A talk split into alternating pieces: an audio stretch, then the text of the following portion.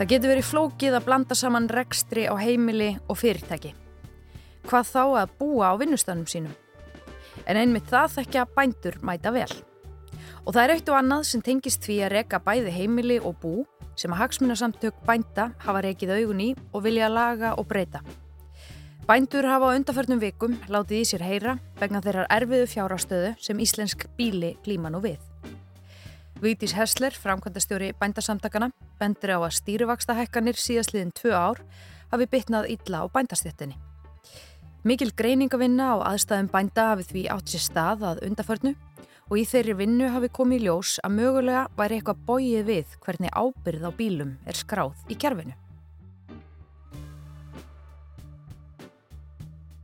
Kynja skiptingin uh, hjá bændum er uh, alls kostar bara mjög, mjög ójöfn í rauninni og e, það sem að geta að, að búfjár eigandur hér á landi þeir telja um 4300 manns e, að þá eru karlmenn skráðir búfjár eigandur 64% tilvika en konur einingis í 24% svo síðan eru þá þarna lögadalar með, með 12% hlutfall. Þetta kemur svona beinu framhald að því þegar að hérna Hún Helga sem er bóndi á Suðurlandi vakti aðtökla því að uh, hún hef mist manni sinn hana fyrir árunnu og vakti aðtökla á þessu ójabræði í kerfinu og það, þetta kemur upp svona á svipun tíma og þetta er uh, alveg klárlega atrið sem við þurfum að fara að breðast við mm. og skoða. Helga Björg Helgadóttir, bóndi í Ásarreppi, misti eiginmann sinn Guðjón Björnsson í vinnuslýsi í vor en hann var aðeins færtur að aldri.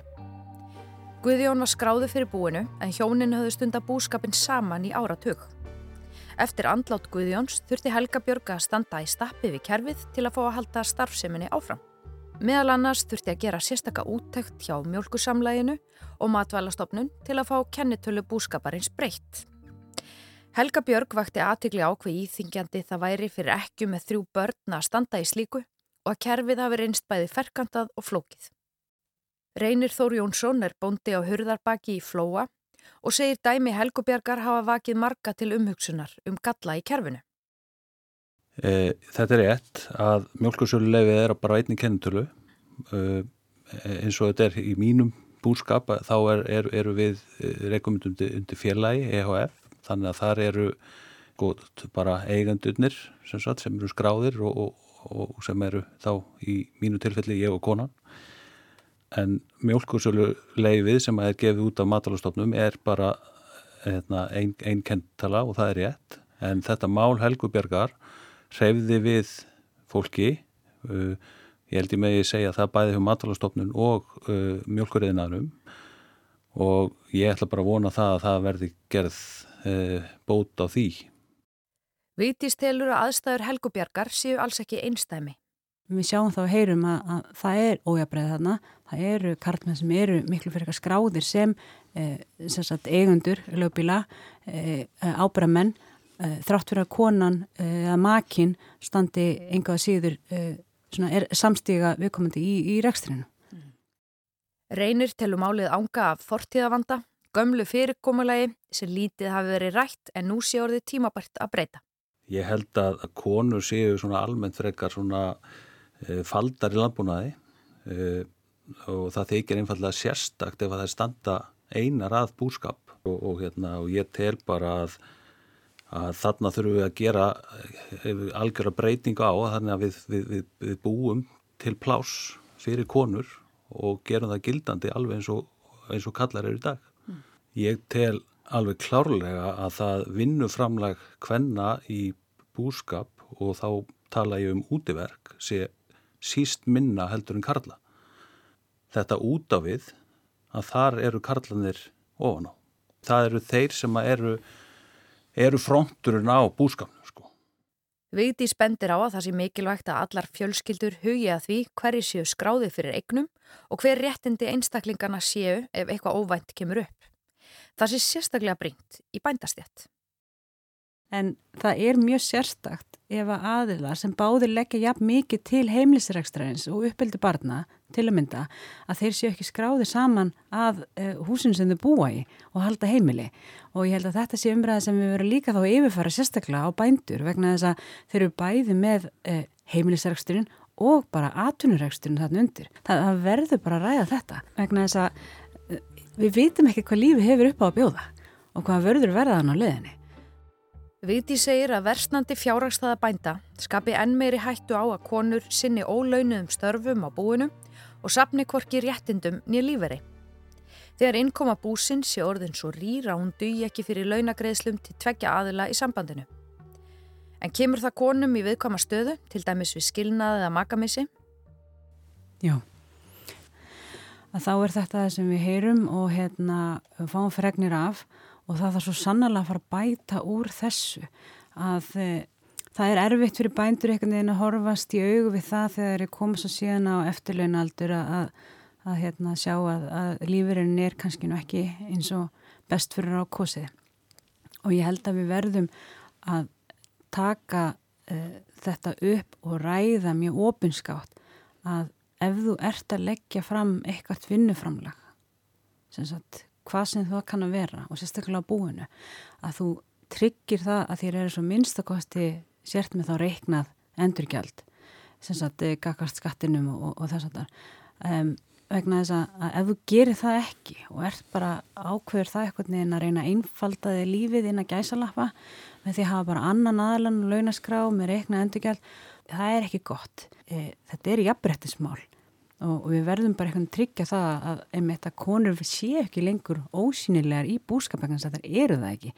Og það eru oft þessir aðeinar sem standa bókaldinu eh, standa aðrunu reksturinu, innköpum og áfengum, sjáum þetta allt. Þess þannig að það, það, við verðum að tryggja það að það sé reiknað og þú reiknið þið sannarlega laun. Viti segir hætta á að fjölskyldur sem reka bú lendi í þeim aðstæðum að geta ekki haldið áfram með búskapin þegar sá sem er skráðu fyrir búinu fellur frá eða skilur við makasinn. Ég held að það sé erfitt að setja sig í þessi spóra að missa makaðin og, og, hérna, og ég tala ekki um að fólk skilur og svo framvegis að hérna, þú ert veginn ert að halda áfram uh, bæði kraft og raunuru tekjur bara hjá einum aðila. En, en svo síðan lagarlega sé það sem betur fyrir engin að standi í þessu á hverjum degi en þetta er óbóðslega erfitt og þetta er terfið að komast í gegnum þetta mm. vegna þess að kerfið er svo viðfemt það er svo margt sem þú þarfst að þú þarfst að skráði hjá tryggingastofnun og, og hérna sækjum skattaafslátt og hérna e, dánabætur og, og þú veist það er ímislegt svona sem, sem þú þarfst að fara í sem, sem þú kannski ekki endilega vist af og þetta er ekkert sérstaklega aðgengilegt. Viti segir þetta áminningu um að hafa hlutverkin í búskapnum skýr og allt upp á borðum. Það auðveldi verulega ætliðaskiptin sem getur reynst fjölskyldum mikil áskorun, bæði lögfræðin og skattahlið málsins. Og ekki einfaldara málið ef að skiptar skoðanir eru á fyrirkomuleginu. En þar kemur ráðgjafamiðstöð landbúnaðarins inn sem aðstóðar fólk við það flokna viðfangsefni. Ráðgjafamiðstöðun hefur gefið út bækling sem að finna má á netinu og inniheldur meðal annars spurningalista yfir helstu atriðin sem þarf að hafa í huga þegar yngri kynnslóðin tekur við af þeirri eldri. Til dæmis hvað verður um land eða tæki ef einstaklingur deyr fyrir aldur fram, hvaða eignir skráist á maka, börn eða eldri kynnslóðina. Þá þarf að taka afstöðu til þess hverjir hafa tekjur á búrakstrinum og hverjir hafa ákverðunavald, til dæmis við veðsetningu eða kaup á eignum. Viti segir þetta algengar spurningar sem brenni á bændum og oft sé leita til bændasamtakana með og við bara leipinu þeim eftir bestu, bestu getu með eins og til dæmis ætlaða skiptin og þau geta verið með ímsum og, og mýmurugum hætti. Bara jáfnfrú út frá fjölda batna og hvaða börn vilja taka þátt í rekstrinum hvernig skuldsetningun á búin og svo framvegis. En að, að hérna, því betur sem fólk er búið að ræða þetta hjá sér og við börnin sín að, að því mjög auðveldar er að greina álitefnin eða það sem, það sem framöndan er Reynir segir þetta reynast mörgum áskorun en í hans fjölskyldu sé þeim ný lokið. Eh, já, ég er nefnilega búin að þessu og það er ætlega skipti á, hjá okkur er, er, er sem sagt búin. Það er að segja að ég, ég og mín kona erum búin að taka við að, að fullu, búin að ganga frá öllum endum. E, þetta ferli var náttúrulega bara langt og stránt og flókið e, en með bara góðri aðstóð og, og, og ráðgjöf að þá, þá tókst að klára þetta mál. En hins vegar þá sé ég marga kollega mína og, og vinni í kringum mig sem að eru ekki komin svona langt eins og ég en eru ymitt í þessum, uh, þessum málum núna og þetta reynist þeim verulega flókið og erfitt að, að klára þessi mál. Hvað er erfitt og flókið það? Já, það er bara, eh, sko, e, sko, e, það, það er svo mikil fjárbinding í landbúnaði með að við veldu og þetta er svo óbúðslega þungt út af, út af því og svo er staðan bara þannig að því miður að talandum laun sem við vorum að tala um áðan sko, launagreisluður að þá er bara eigna hluturinn í búunum okkar er bara lífverðursjóðu bænda þannig að við eigum engan lífverðursjóðu annað staðar heldur en í þessum búum sem við eigum mm. þannig að þetta þarf náttúrulega, við þurfum náttúrulega að koma eða við þurfum að gera eldri kynnslunum kleift að lifa áfram En þrátt fyrir erfiða fjárastöðu bænda þá er fátt sem keppir við lífið í sveitinni að mati reynis. Bændur séu knúnir áfram á ástriðu fyrir lífinu á bænum. Þetta er, þetta er nú ákveðin forréttind að fá að vera svona einn út í sveit og ala börnin sín þar. Það er hérna bara, það er bara algjört frelsið þarna einhvern veginn og þetta er, þetta er svona meira afslappandi verulega. Nú og svo er þetta bara að vera í kringum skeppnur eins og til dæmis kýra þetta eru náttúrulega bara afskaplega hérna, e, skemmtilegar skeppnur og, og, og þægilegt að vinna í kringu þær en þær, þær þurfa sjálfsögðu mikið allæti og, og það má segja, segja að við séum kannski nálætti að vera sveipaðir eins og þeir sem eru í umununastarfi e, má segja sko.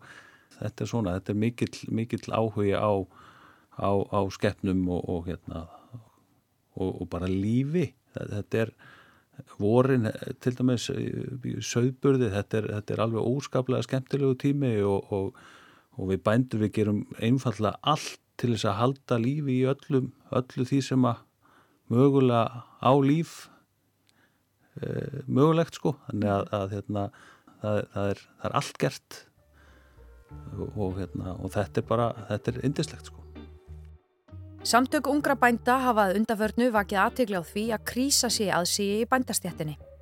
Við núverandi aðstæður sé fátt sem hveti ungt fólk til að taka við búum og leggja landbúnaðin fyrir sig.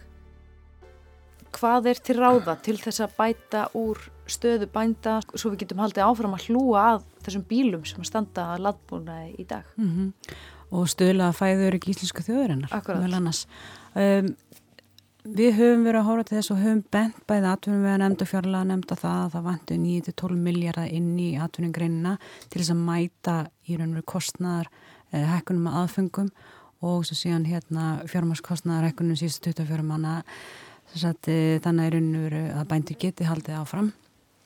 Um, og, og staðan er reynlega bara svo hún er, hún er mjög erfið og það er komið verulega þungt hljóð í bændur vegna þessa og sérstaklega í kúabændum sem fóru í mikla eh, fjárfestingar 2015 til 19 þar að segja að stekka búsín og reyna að ná einum aukinni framlegð e, færi gripi og svo er líka loftlasmól mm -hmm. að töða það.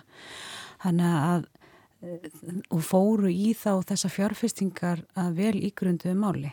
Og svo náttúrulega bændur eru ekkert með kristaskúlu frekar en aðrir. Og svo síðan stundum við fram með fyrir bara þessari stöðu. En það sem við sjáum fram á og höfum aldrei verið að, eh, að, tala fyrir er að, sjáurinn veru eh, insbytting á fjármægni sem annarkvort í formi sprekkreisla eða einhvers konar bráða aðgerða og þess að geta það voru sprekkreislur til bænda út af gríðarlegum hækkunum aðfengum á síðasta ári í kjálfara úgrænistriðinu og það voru um 2,5 miljardar þegar að reiknu þörf var hins vegar að eh, greini þyrti alltaf 9 miljardar þá. Þannig að eh, við sjáum að það þarf að breyðast um einhverjum bráða aðgerðum eh, bara það að hérna ég hef heyrt vakstabætur, það geti kannski komið til greina til þess að koma til þess að jafna út í reynum veru það áfall sem hérna uh, hækun stýrivaksta hefur haft fyrir með sér. Mm. Þannig að það er svona það sem við erum að horfa til og, en ég held að það, ég verði bara að svara núna og sérstaklega fór stjórnöldum uh, að hvort að við ætlum að halda hérna áfram með landbúnaði uh, vegna þess að við höfum líka reiknað það til að ef íslensku landbúnaður hefði ekki verið hérna til staðar á Íslandi með þá framlýslu að þá hefði uh, neikvæða vöruskeptujöfnu verið um kringu 70 miljardar og þá eru ótalinn í raun verð þessi 3000 beinustörf sem skapast af landbúnaði og svo síðan það áttaðast ótengdu afleitu störf sem koma út frá atvinningreininni. Og þetta voru loka orðin í þetta helst í dag. Vigdís Hersler, framkvæmdastjóri bændasamtakana og Reynir Þór Jónsson, búndi á hurðabaki í Flóa, leggja til ímsar leiðir til að bæta aðstæður bænda. Þóra Tómasdóttir þakkar ykkur kærlega fyrir að leggja við hlustir í dag. Þetta helst verður aftur á dagskrá á morgun, strax að loknum hátægisfrettum.